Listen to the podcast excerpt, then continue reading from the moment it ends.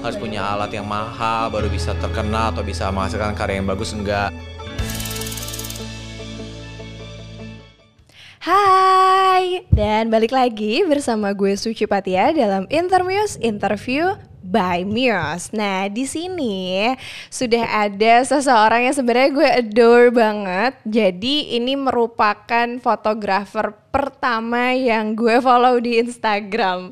Dan siapa lagi kalau bukan ada Kak Rio Wibowo atau biasa kita kenal dengan Rio Motret. Yeay. Apa kabar? Hai hai, apa kabar Kak Rio? Baik, sehat. Ini aku kayak rasanya mimpi gitu sih. Nggak, tapi kayak jujur banget ya, aku tuh dari dulu pengen banget eh, kalau goals di foto itu pakai jasanya Rio Motret gitu. Nanti pas pre-wedding. Pas pre-wedding, amin. Jodohnya mana? Tapi guys tenang ya, btw kita di sini nggak pakai masker karena semuanya ini sudah disterilisasi ya. Dan kita juga sudah swab antigen tadi. eh, aku tadi pagi dan Karyo juga udah kan. Jadi insya Allah aman semuanya. Nah di sini kita mau ngobrol-ngobrol nih sama Karyo. Iya. Nah Karyo, dulu tuh ya aku inget banget pertama kali follow Karyo itu eh, gara-gara lihat Instagram, scroll-scroll terus ada foto artis-artis banyak banget. Dan mereka ini eh, kayak bermain peran gitu melalui fotografi yang namanya Alkisah. Oh, oke. Iya. Itu 2015. Iya, berarti dari 2015 dan terus habis itu aku kayak lihat, oh ini siapa nih yang fotoin keren banget gitu kan banyak banget artis-artisnya. Ternyata Rio Motret nih. Ya ya udah akhirnya dari situ keluarlah setiap hari ya hampir muncul selalu di feeds aku. Nah, Karyo sendiri tuh memang dari dulu udah seneng foto atau kayak gimana? Eh, sebenarnya kalau dibilang dari dulu banget seneng enggak. Jadi mulai senengnya itu pas lagi semester 2 lah. Jurusan apa emang dulu Kak? Fotografi. Eh, aku kan sebenarnya ambil graphic design. Oh, I see. Terus eh, begitu masuk graphic design ternyata aku nggak terlalu suka banget sama eh, yang namanya ngegambar, Mm-hmm. nggak gitu suka banget sama yang bikin-bikin web atau bikin game gitu. Akhirnya aku pas ketemu mata kuliah fotografi itu baru ngerasa, nah ini gitu. Karena kan emang desain grafis itu banyak cabangnya ya. Bisa Yes. jadi web design, bisa jadi advertising, bisa jadi eh, ngelukis, apa pun gitu. Sampai akhirnya aku dapat mata kuliah fotografi baru ngerasa klik gitu. Jadi dari situ sih. Oh awalnya dari situ. Terus dari situ inget gak waktu itu pertama kali mulai kayak ngerasa wah foto gue bagus nih kayaknya gitu. Fotoin apa? Orang kah atau pemandangan? Kebetulan dari awal pertama foto itu aku memang motoin orang. Oh memang dari awal. memang motoin orang. Jadi eh, mungkin pertama kayak human interest, mungkin kayak orang-orang yang lewat, ada yang naik sepeda segala macam. Terus belakangan mulai ikut hunting model kayak di kota tua tuh suka ada foto-foto Ah, kan iya, hunting iya, model. yes. Aku rajin ikut bayar gitu. Jadi supaya melatih kayak skill juga gitu kan. Nah, di situ baru aku ngerasa kalau motret eh, model terutama cewek itu ternyata seru banget ya gitu, enak gitu. Kenapa enaknya kak? Enaknya adalah entah kenapa dibandingin motret pemandangan, alam, arsitektur, makanan dan segala macam. Kalau motret orang itu kita bisa berinteraksi, Hmm. kita bisa mengarahkan. Oke. Terus eh, dia bukan benda mati yang maksudnya kita bisa apa ya bisa ada komunikasinya lah gitu. Dan yang pasti kan aku selalu eh, lebih sukanya tuh lebih ke arah foto cewek ya. Kalau cowok memang waktu di awal-awal kurang gitu suka gitu. Jadi nggak tahu kenapa kalau ngeliat cewek di foto tuh indah aja gitu. Bisa nyari sisi cantiknya Iya. dari dari seorang eh, model cewek ini gitu. Kadang-kadang kan ada model yang eh, oh mesti dikulik-kulik nih angle-nya baru dia kelihatan cakep banget gitu kan. Nah dari situ tuh aku kayak ngerasa tertantang dan ngerasa excited aja gitu. Oh dari situ ya. Eh memang perempuan itu memang lebih indah loh kak. Udah pasti karena dari awal aku emang suka foto cewek makanya kalau diperhatiin eh, ke sini-sini di sosial media aku pun postingan aku banyak kan cewek. Iya iya. Walaupun ada cowok juga, cuman lebih banyak cewek lah kayak 70% gitu. Iya iya, aku juga hampir tiap hari kan ngelihat kan kalau Ria Motret eh, apa habis upload gitu ya. Nah tapi dulu aku juga baca nih, dengar-dengar gitu, Karyo juga dari tahun 2004 kan, berarti Iya, ini mulai 2004. jadi fotografer gitu. Nah ketika dari 2004 sampai perjalanan panjang sekarang 2021 kan pasti ngalamin masa-masa sulit dulu dong Hmm. kan. Ya kan mungkin ada katanya sempat ah, nggak dibayar dulu ya, sempat dibayar Pasti. 50 ribu dulu gitu. Iya. Nah di antara semua pengalaman yang sulit itu ada yang paling terkenang gak sih kak sampai sekarang yang kayak ngebuat titik wah kalau gue nggak kayak gitu nih perjalanan gue nggak akan bisa sampai sini nih. Sebenarnya eh, dari awal pertama kali terjun ke dunia fotografi pun aku tuh bukan eh, yang pakai fasilitas dari keluarga enggak. Jadi emang pertama kali eh, beli kamera, beli lensa itu berjuang sendiri juga dari hasil kan eh, dulu tuh aku masih suka kayak jadi SPB awal-awalnya tuh dulu tuh aku iya jadi sales SPB, boy oh, sales pas lagi boy. pameran-pameran JCC Apa? Mau mobil atau eh ma apa apa aja gitu jadi Apa pun. apa pun gitu dan sambil kuliah kak? iya sambil kuliah Oh sambil kuliah jadi Ah. SPB, dari situ nabung-nabung. iya gitu. apalagi kalau lagi musimnya PRJ tuh di situlah saatnya Lama. aku nyari-nyari uang terus eh, mungkin aku juga lumayan rajin kayak pokoknya dulu apa aja dijual deh gitu Hmm. kayak jual baju jual sepatu jual apa jadi kayak apa pun peluang selain eh, kuliah aku berani ambil gitu untuk nabung gitu nah karena aku kan ngerasa kalau beli kamera ini kalau minta sama orang tua nggak enak keberatin gitu jadi akhirnya aku cari uang sendiri sampai akhirnya terkumpul terus aku beli kamera yang memang nggak mahal murah banget gitu Berapa kak waktu itu 2004 harganya? Kayaknya kameranya nggak nyampe 8 juta deh, udah sama lensa. Oh, Jadi emang lensa. kamera murah banget gitu. Terus eh, dari situlah aku mikir, gue udah susah payah nyari eh, uang untuk beli kamera. Gimana caranya ya buat ngembaliin lagi modalnya gitu. Jadi akhirnya selain rajin motret teman-teman, terus aku mulai nerima kayak, ya udah gue boleh deh dibayar berapa aja gitu. Yang penting ada ada penghargaannya lah gitu ibarat. Oke, nah dulu kalau misalnya sekarang kita eh, bisa promosi portofolio kita kan lewat Instagram ya kan mungkin ya mundur-mundur sedikit lewat Facebook gitu. Iya. Nah kalau dulu 2004 lewat apa Karyo? Kalau 2004 itu dulu aku dari teman ke teman. Terus eh, ada dulu namanya sosial media tuh Friendster zaman dulu. Oh, Jadi Friendster itu. Sosial media dedengkot di mana saat eh, Facebook belum ada, nggak ada IG, nggak ada Twitter, jadi cuman ada Friendster dan itu waktu itu udah paling kece banget di Iya, situ. iya. Nah di situ lumayan sih karena itu ajang untuk memamerkan karya-karya aku di situ. Dan kebetulan eh, pas zaman Friendster itu aku tuh punya account lumayan banyak, maksudnya. Nggak tahu- Account apa aja?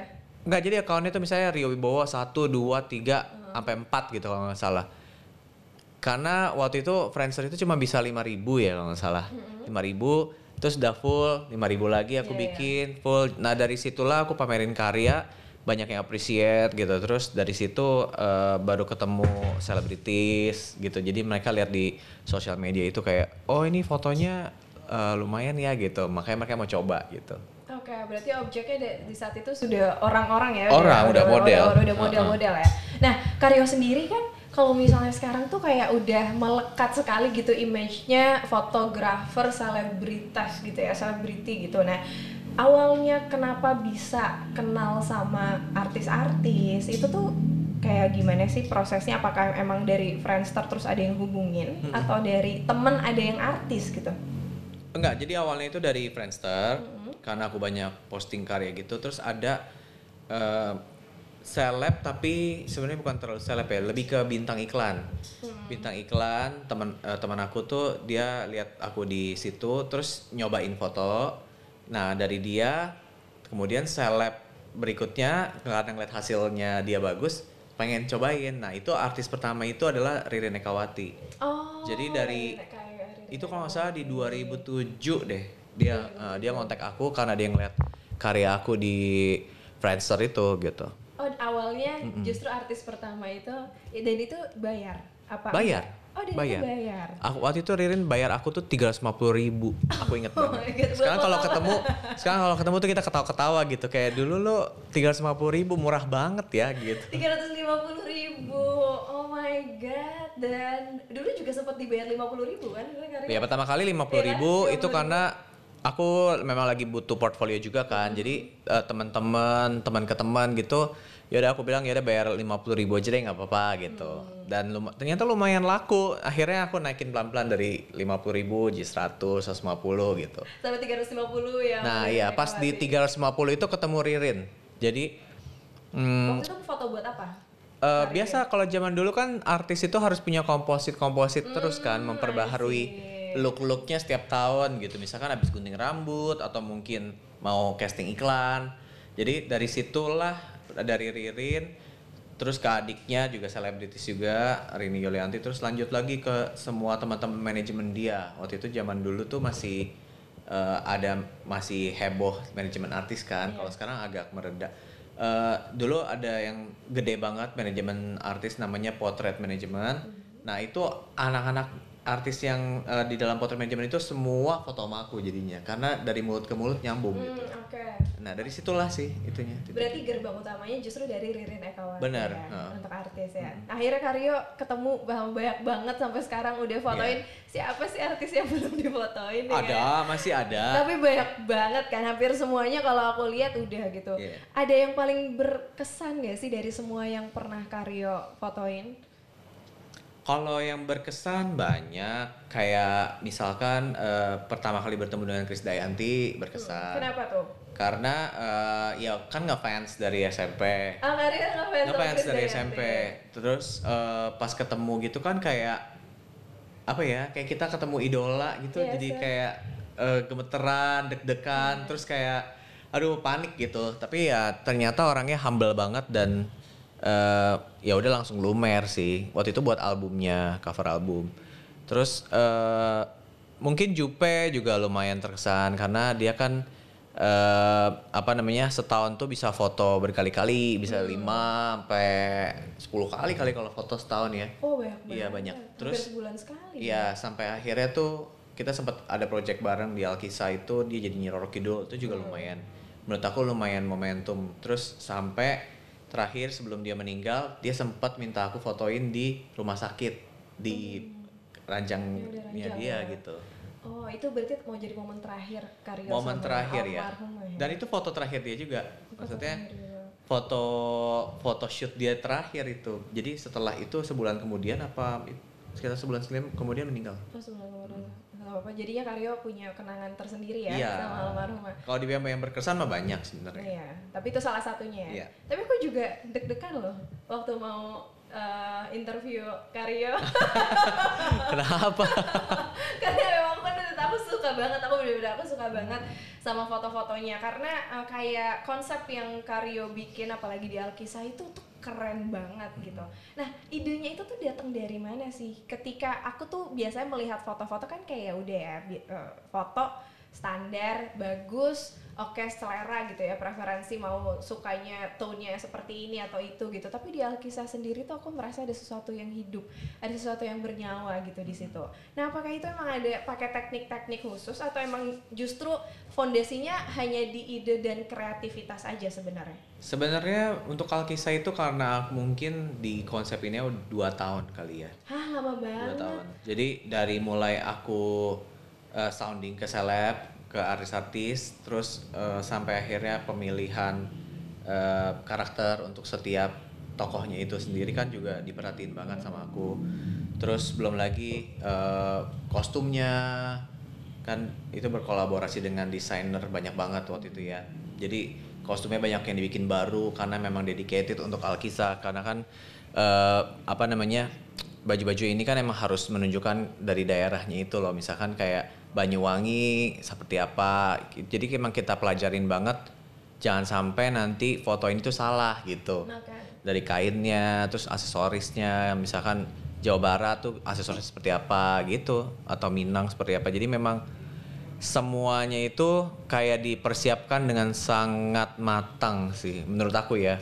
Sampai pemilihan karakter uh, orang-orang dan mukanya cocok apa enggak gitu. Jadi bukan asal tembak aja misalnya kayak oh lo artis ya? Yuk ikut gitu. Enggak. Iya, iya, iya, iya. jadi malahan banyak banget artis yang nggak nggak bisa keajak karena memang karakternya nggak sebanyak itu gitu. Jadi memang misalkan harusnya teman artis ada ratusan gitu yang bisa ikut cuma 60-an gitu. Waktu itu kalau nggak salah 60 sampai 70 artis doang yang bisa ikut 60 sampai 70 Hmm. artis. Nah itu juga aku penasaran sih, kayak cara Karyo milihnya itu apa berdasarkan looknya aja? iya karakter Oh, karena karakternya. Jadi sama aja seperti kayak lagi casting film aja gitu. Jadi memang kita kita cari karakternya memang yang tepat banget untuk memerankan eh, misalkan let's say jadi Nyi Roro Kidul. Kenapa saya pilih Julia Perez? Karena kan karakter muka dia yang strong dan mistis. Kemudian emang dia juga eh, auranya juga memang cocok untuk jadi Nyiroro Kidul gitu. Kemudian contohnya kayak bawang putih, kenapa aku pilih Sandra Dewi? Kita udah langsung kepikir kan bawang putih siapa lagi sih gitu, ya kan? Yang baik. yang lembut kayak gitu emang karakternya. Nah kemudian misalkan Buto Ijo kenapa aku pilih Ivan Gunawan? Kalau misalkan aku bukan pilih Ivan Gunawan, let's say aku pilih Irfan Hakim gitu, kan nggak cocok karena kan memang Buto Ijo itu sosoknya tinggi besar kayak raksasa gitu kan. Ya jadi memang banyak karakter-karakter yang memang kita pikirin banget sih gitu. Iya, dan itu juga banyak banget kan artis-artisnya. Iya, Nah, itu hampir s- 70. Hampir 70 kan. Itu kolaborasi itu sebenarnya susah nggak? Ada yang ketika approach artisnya mereka langsung mau atau justru ada yang nggak mau dan banyak yang pertimbangin hal-hal semacam ya I don't know. Syukurnya sih waktu itu semua langsung mau karena mereka juga ngeliat ini sesuatu yang beda dan belum pernah dibikin sama yang lain juga kan. Karena ini kan bukan cuma sekedar foto-foto iseng doang tapi eh, ini kan kayak mengangkat kembali cerita rakyat Indonesia yang which is mereka juga ikut membantu eh, apa ya pengenalan budaya Indonesia gitu ke anak-anak yang masih muda gitu kan karena kan waktu itu aku berpikir kenapa aku bikin pameran seperti ini supaya anak-anak yang adik-adik di bawah aku tuh yang pada tidak tahu cerita rakyat jadi tahu. Setidaknya kan waktu itu aku mengangkat total 21 cerita rakyat. Jadi kan dipamerin di mall juga. Jadi mereka pas ngelihat eh ada idola gue nih gitu. Dia jadi apa sih? Terus dia baca ceritanya di situ. Di Grand Indonesia ya kalau nggak di. Grand Indonesia di Surabaya di Jogja di eh, Makassar. Yes. Terus di Bandung keliling hampir keliling Indonesia Iya. sih Aku sempat lihat, aku sempat lihat di Galeri Indonesia Kaya ya, Hmm. kalau nggak salah itu. Aku sampai baca-bacain dan bahkan ada beberapa cerita rakyat tuh tadinya aku nggak tahu gitu Hmm. dan pas baca tuh kayak wah keren banget nih gitu Rio motret. nah kalau misalnya tadi sampai ke Surabaya sampai ke semuanya gitu, Iya. eh, apa namanya Alkisah ini sudah dibawa. Project selanjutnya di 2021 ini ada nggak sih kak yang seperti Alkisah yang sudah Karyo persiapkan sendiri? sebenarnya ada dan kemarin itu sebenarnya mau di mau timingnya mau ditaruhnya di 2020 Tapi karena pandemi. Tapi karena kena pandemi, jadi di 2020 awal itu aku udah sempat sounding ke pihak ya teman-teman, terus eh, ke sponsor juga. Kalau aku mau bikin lagi sebuah pameran yang lebih eh, lebih ke teknologi sih, maksudnya jadi nggak cuma pameran foto biasa gitu. Dan sebenarnya udah di okein juga sama se- semua pihaknya ini gitu. Terus tiba-tiba pandemi di bulan 3 kan. Ya udah buyar. Dia buyar. Tadi aku tuh planningnya oh sekitar Januari Februari eh, udah mulai eh, ngerencanain nanti pamerannya mungkin bisa di Agustus kembali seperti waktu Alkisah kan 2015 itu aku emang pakai momentum eh, 17 Agustus. Iya, iya. Ulang Gitu tahun aja. ke 70 ya sih? Siapa? Oh, Indonesia.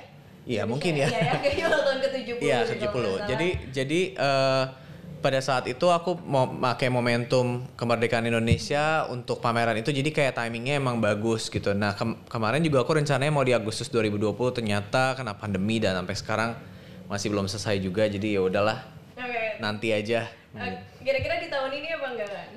Gak bisa dibilang soalnya kan eh, yang kita tahu sendiri memang masa pandemi ini katanya bisa diramalkan sampai dua tahun lagi baru bisa benar-benar beres. Bahkan kita sampai 10 tahun. Iya, lagi jadi sepertinya kalau untuk membuat ajang pameran yang rame-rame seperti itu dulu lagi itu kayaknya lagi agak sulit dan kalau disuruh bikin karya secara virtual gitu aku belum mau karena menurut aku nggak akan seefektif gitu karena kan kalau mau secara virtual pun juga di sosmed aku udah sering posting-posting karya terus kan gitu. iya, Nah, aku pengennya tuh memang yang datang ngeliat, menikmati, terus berinteraksi gitu.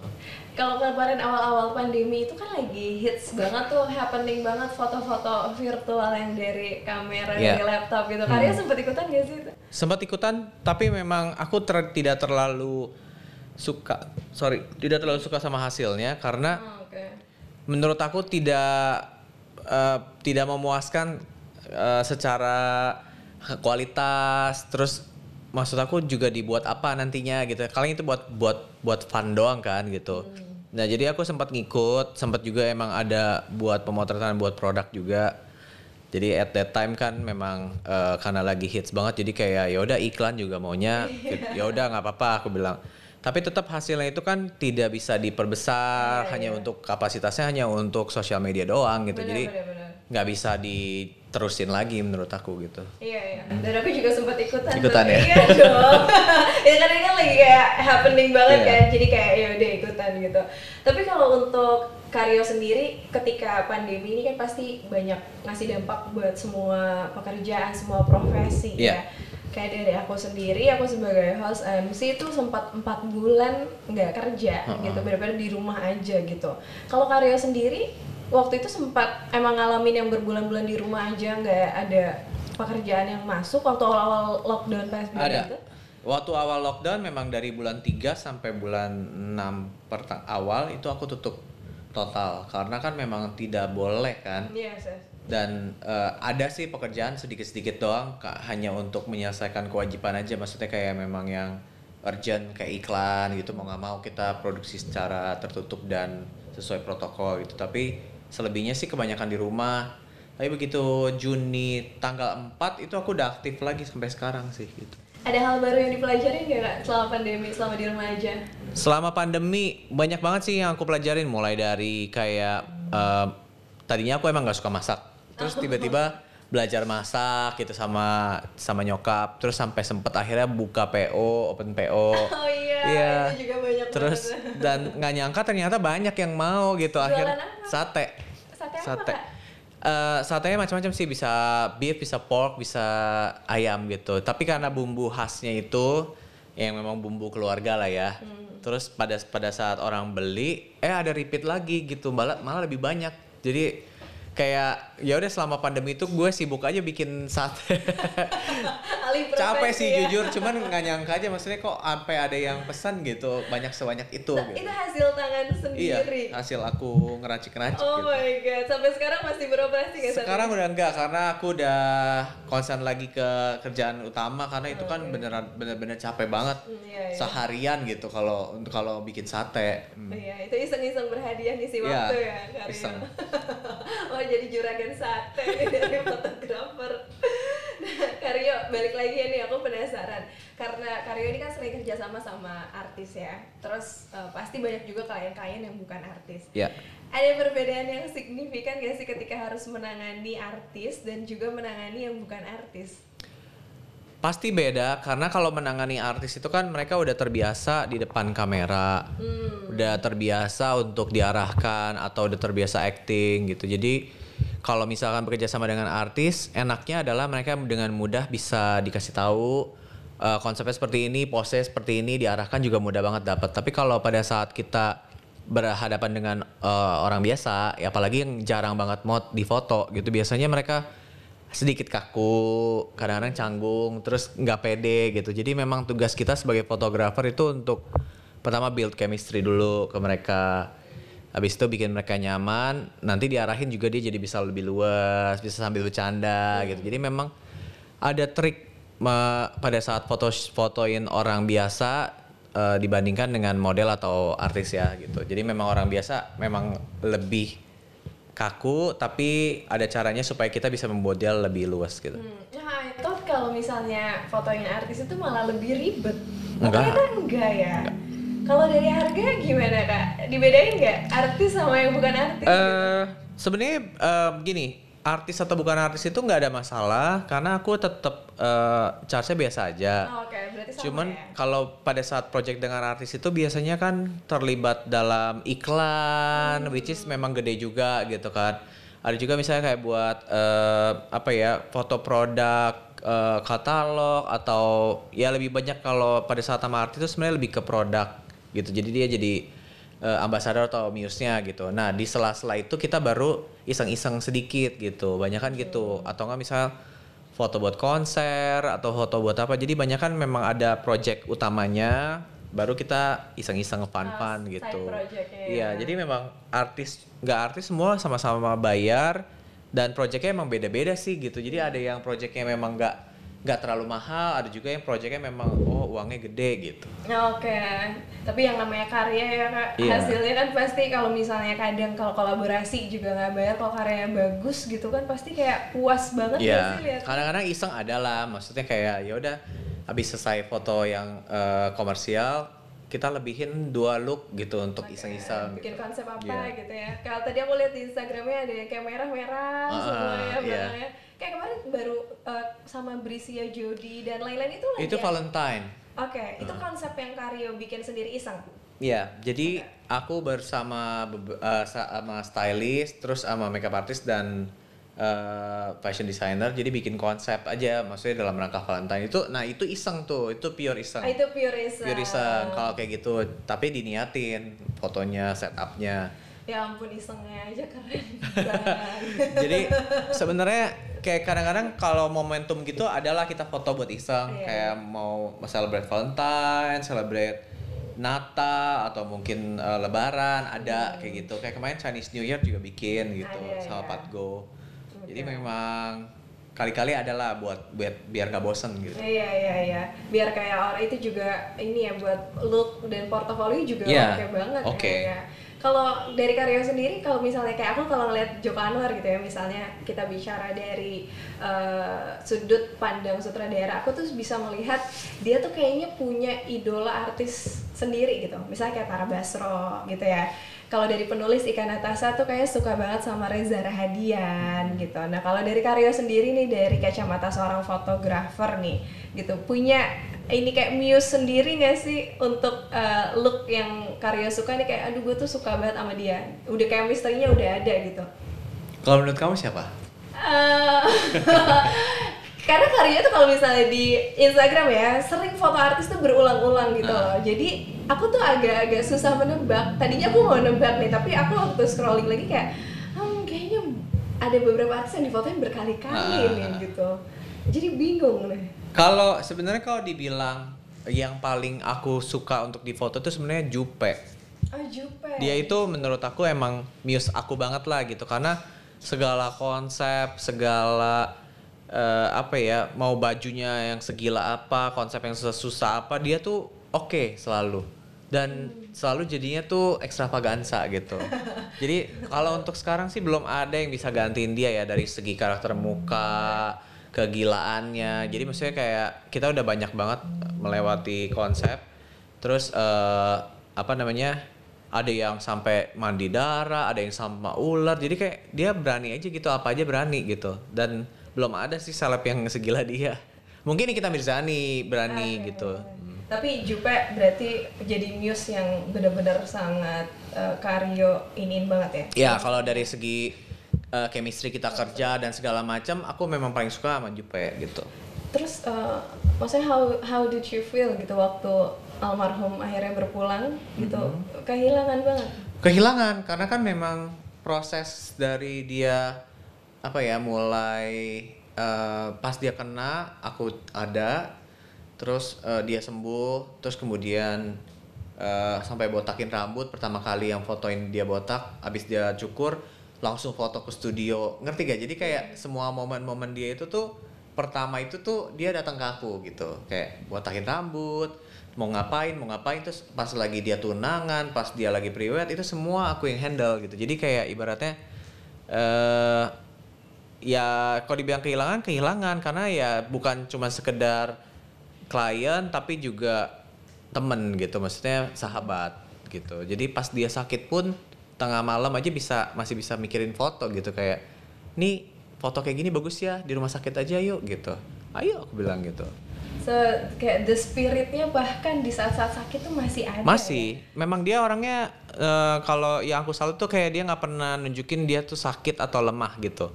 Jadi selalu happy aja, selalu kuat kelihatannya. Padahal sebenarnya mungkin memang dia juga udah nggak lagi nggak kuat gitu. Nah itu dia yang aku suka. Terus semua video klip dia hampir aku yang handle. Wow. Since dia kenal aku ya. Yes. Since dia kenal aku tuh langsung video klip lo. Kalau foto album lo apa semua lo gitu. Jadi kayak ya memang dibilang kehilangan nih hilang gitu. Pasti Karyo juga jadi favoritnya almarhum ya. Semuanya sampai foto terakhirnya aja minta Karyo datang Iya. gitu. Nah, tadi karena ngomong-ngomong sampai mandi darah dan pakai ular gitu-gitu, momen paling ekstrim fotoin pernah sampai kayak gimana kak?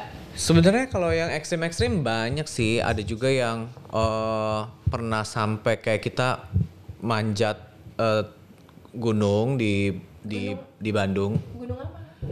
Eh, aduh namanya apa ya?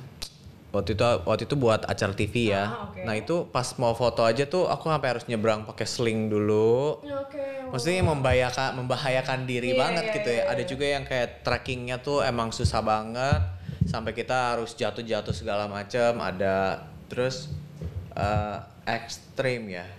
Iya, kayak misalnya apa gitu foto sama singa gitu. Pernah foto sama singa? Jupe juga. Pernah, Pernah. juga. Eh, white lion. White lion. singa putih.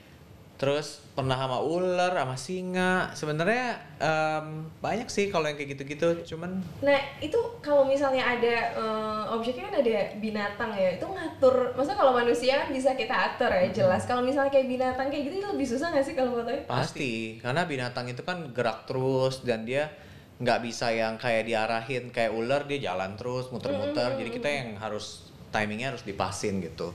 Sama kayak sama singa juga gitu.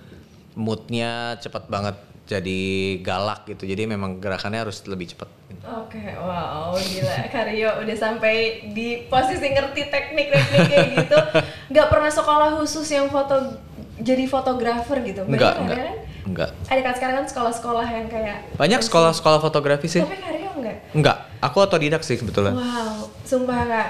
I thought kalau misalnya Karyo itu tuh bener-bener kayak sekolah fotografi yang profesional yang dua tahun khusus belajar Enggak. foto gitu. Eh, enggak ternyata. Jadi semuanya belajar otodidak. Apa sih kak? Misalnya pasti kan banyak juga yang mau foto eh, bisa jadi fotografer profesional tapi nggak ada misal biaya untuk sekolah tapi dia otodidak aja gitu kayak yang harus kita perlukan untuk mau bisa konsisten untuk mau bisa ada di titik seperti ini tuh apa sih Em, Sebenarnya yang pasti harus banyak explore kalau mau jadi fotografer itu harus eh, berani explore dengan berbagai macam konsep sih. Jadi nggak yang apa namanya kayak eh, oh ini style gua begini doang. Misalkan gue cuman mau black and white that's it gitu. Nah lu nggak bisa karena kalau di dunia fotografi ini perkembangannya benar-benar cepat banget yang pasti Iya. kayak tiba-tiba ntar begini tiba-tiba begitu. Jadi memang eh, dari teh dari segi pertama mungkin dari segi teknik fotografinya juga memang harus diasah terus. Kedua dari segi konsep eh, harus benar-benar yang baru terus. Kalau enggak orang bosen. Yang ketiga editing juga perlu gitu. Kalau misalkan eh, editing color mood itu memang penting banget. Karena kalau foto yang fotografer yang fotonya begitu aja terus akhirnya tuh orang ngeliatnya kayak lama-lama bosen gitu. Jadi memang aku juga selalu ikut berinovasi. Jadi nggak mau ketinggalan sama yang muda-muda karena kan banyak juga anak-anak muda yang jadi fotografer dan bagus-bagus gitu. Nah boleh kita lihat mereka oh mereka nih bagusnya di mana ya? Kita ambil idenya. Terus lihat lagi di luar negeri em, masukan-masukan dari maksudnya kayak fotografer luar negeri tuh kenapa dia bisa eksis sampai sekarang walaupun umurnya udah 60 70 gitu. Ternyata dia tuh ya itu berinovasi terus nggak yang stuck dengan satu style gitu. nah nggak ternyata di menjadi fotografer tuh harus perlu harus inovatif dan kreatif sama juga sama ya? seperti desainer sih kalau menurut aku ya karena desainer pun juga misalkan kalau dia ngedesain bajunya seperti itu terus lama-lama kan pasti akan merosot merosot dan akhirnya orang mulai bosan kan Iya, iya. tapi kalau desainer itu makanya setiap tahun mereka mem- membuat sesuatu yang baru dengan konsep-konsep yang baru akhirnya dia tetap bisa stay sampai sekarang gitu. Oke, berarti harus berani dan juga harus mau explore ya dan Berinovasi iya, sih. berinovasi. Harus ngelihat perubahan zaman juga ya Iya. jangan terlalu kadang kan ada orang terlalu idealis kayak enggak gue maunya gini aja. Gitu. banyak yang Ya seperti kan? itu. Padahal zaman tuh udah berubah. Bener. Ya kan? Terakhir kak dari aku. Sebenarnya mau ada 100 pertanyaan lagi. Oke Poni aku juga penasaran kalau misalnya jelas di industri bisnis di dunia politik gitu ya semua persaingan itu selalu ada gitu nah kalau di sebagai fotografer nih di dunia fotografi nih persaingan itu tuh ketat gak sih sebenarnya Di dunia fotografi persaingan ketat banget. Yang pasti kayak tadi sempat ngomong kan, yang baru-baru bermunculan aja banyak sekali. Jadi kayak di bawah aku adik-adik itu banyak banget yang eh, masih SMA aja udah jadi fotografer dan hasilnya juga bagus-bagus banget gitu. Jadi eh, menurut aku persaingan itu justru malah membuat kita jadi eh, tidak mau eh, mengalah, tidak mau pasrah aja gitu. Karena eh, kalau misalkan nggak bersaing, saya nggak punya motivasi untuk menjadi lebih lagi gitu. Kalau misalkan aku ngerasa kayak oh udah nih gue udah di sini udah paling oke lah, udah udah nyaman gitu. Pada akhirnya nanti kita akan ke apa ya akan ke libas sama yang lebih baru-baru yang lebih bagus-bagus lagi. Nah dengan adanya persaingan itu aku ak- akhirnya bisa melihat oh seperti ini yang diinginkan sama pasar. Seperti gue bisa gitu. Jadi uh, jadi kayak membuat uh, apa namanya motivasi juga buat kita kita yang udah lebih duluan atau lebih senior uh, untuk belajar lagi gitu. Karena kan kalau misalkan nggak ada persaingan seperti itu aku ngerasanya kayak ya udahlah dengan begini aja gue udah nyaman deh oke gitu. Iya, kayak ngerasa puas ya. udah puas gitu. Iya, tapi iya. dengan ada yang baru ini kayak ini tekniknya apa ya? gitu. Hmm. jadi akhirnya kita mau belajar lagi gitu. Buka YouTube cari tahu oh kenapa bisa begini? Kenapa gua nggak pernah bisa dapetin yang seperti ini ya? Adalah momen-momen kayak gitu. Jadi aku akhirnya belajar lagi dari dari sesuatu yang baru gitu Oke, ternyata sedikit aku tahu justru persaingan itu membawa motivasi dan inovasi. bener dong kayak ya. kamu misalkan Yes. eh, kamu host kan Iya, kalau misalkan bener. ada host lain yang lebih laku atau lebih laris lagi dari kamu Yes. pasti kamu mikir dong apa ya kelebihan dia ya apa dia membawanya lebih seru apakah dia mungkin lucu atau mungkin dia lebih cantik pasti kan ada aspek-aspek yang kamu lihat banget dan bisa kamu pelajarin iya, gitu Iya, benar-benar benar. Makanya kalau misalnya aku juga kalau misalnya kayak ngeliat MC-MC gitu, kenapa ya dia bisa dipakai gitu ya misalnya di suatu uh, perusahaan atau nggak di suatu lembaga uh, pemerintahan gitu ya. Kok aku harus bisa gimana nih caranya? Hmm. Oke, ternyata di dunia fotografi juga Sama, sama, sama. ya. Oh, Karyo, thank you so much. Thank you. Aku seneng banget ya walaupun ini kayaknya hanya secuil yang aku tahu dari kehidupan Karyo tapi uh, ini sebuah kehormatan bisa Sama-sama, thank you banget. Iya. Dan aku harapkan masih akan ada banyak proyek-proyek seperti Alkisah. Mudah-mudahan. Ya kan? Karena Iya. itu um, memberikan edukasi dan juga menurut aku sangat mengindahkan mata ya. Jadi mata aku tuh waktu itu kayak tercuci gitu ya langsung ah keren banget. thank you Iya. Karena ada yang mau ditambahin mungkin buat teman-teman sebelum kita tutup. Em, paling sedikit pesan-pesan aja kali buat teman-teman yang mungkin eh, tertarik dengan dunia fotografi dan mungkin ingin memulai dunia foto di dunia fotografi atau mau terjun dan eh, ibaratnya concern dijadiin eh, pemasukan gitu ya. Karena dunia fotografi itu bagus sekali kalau kalian mau berpikir ke arah sana dan yang pasti eh, jangan terlalu berpikir kalau misalkan mau terjun ke dunia fotografi gue harus punya alat yang keren banget, Yes, harus punya alat yang mahal baru bisa terkenal atau bisa menghasilkan karya yang bagus. Enggak Eh, apa pun itu eh, alatnya. Yang pasti kalau kalian ngerjain dengan sepenuh hati dan juga eh, punya taste yang bagus ah- eh, hasilnya pokoknya akan tetap bagus juga dan bisa di appreciate sama orang. Yeay, itu dia tips and Thank tricks you. dari fotografer andalan Indonesia. Dan ada artis-artis dan nanti juga semoga aku eh, salah satu cita-citaku untuk memakai jasa Karyo untuk priwet atau untuk Amin. apa pun itu bisa terlaksana. Amin. Karyo thank you so Thank much. sehat-sehat selalu. Dan untuk teman-teman sampai ketemu minggu depan. Dan aku Suci Patia dan aku Rio Motret dan bye sampai bye jumpa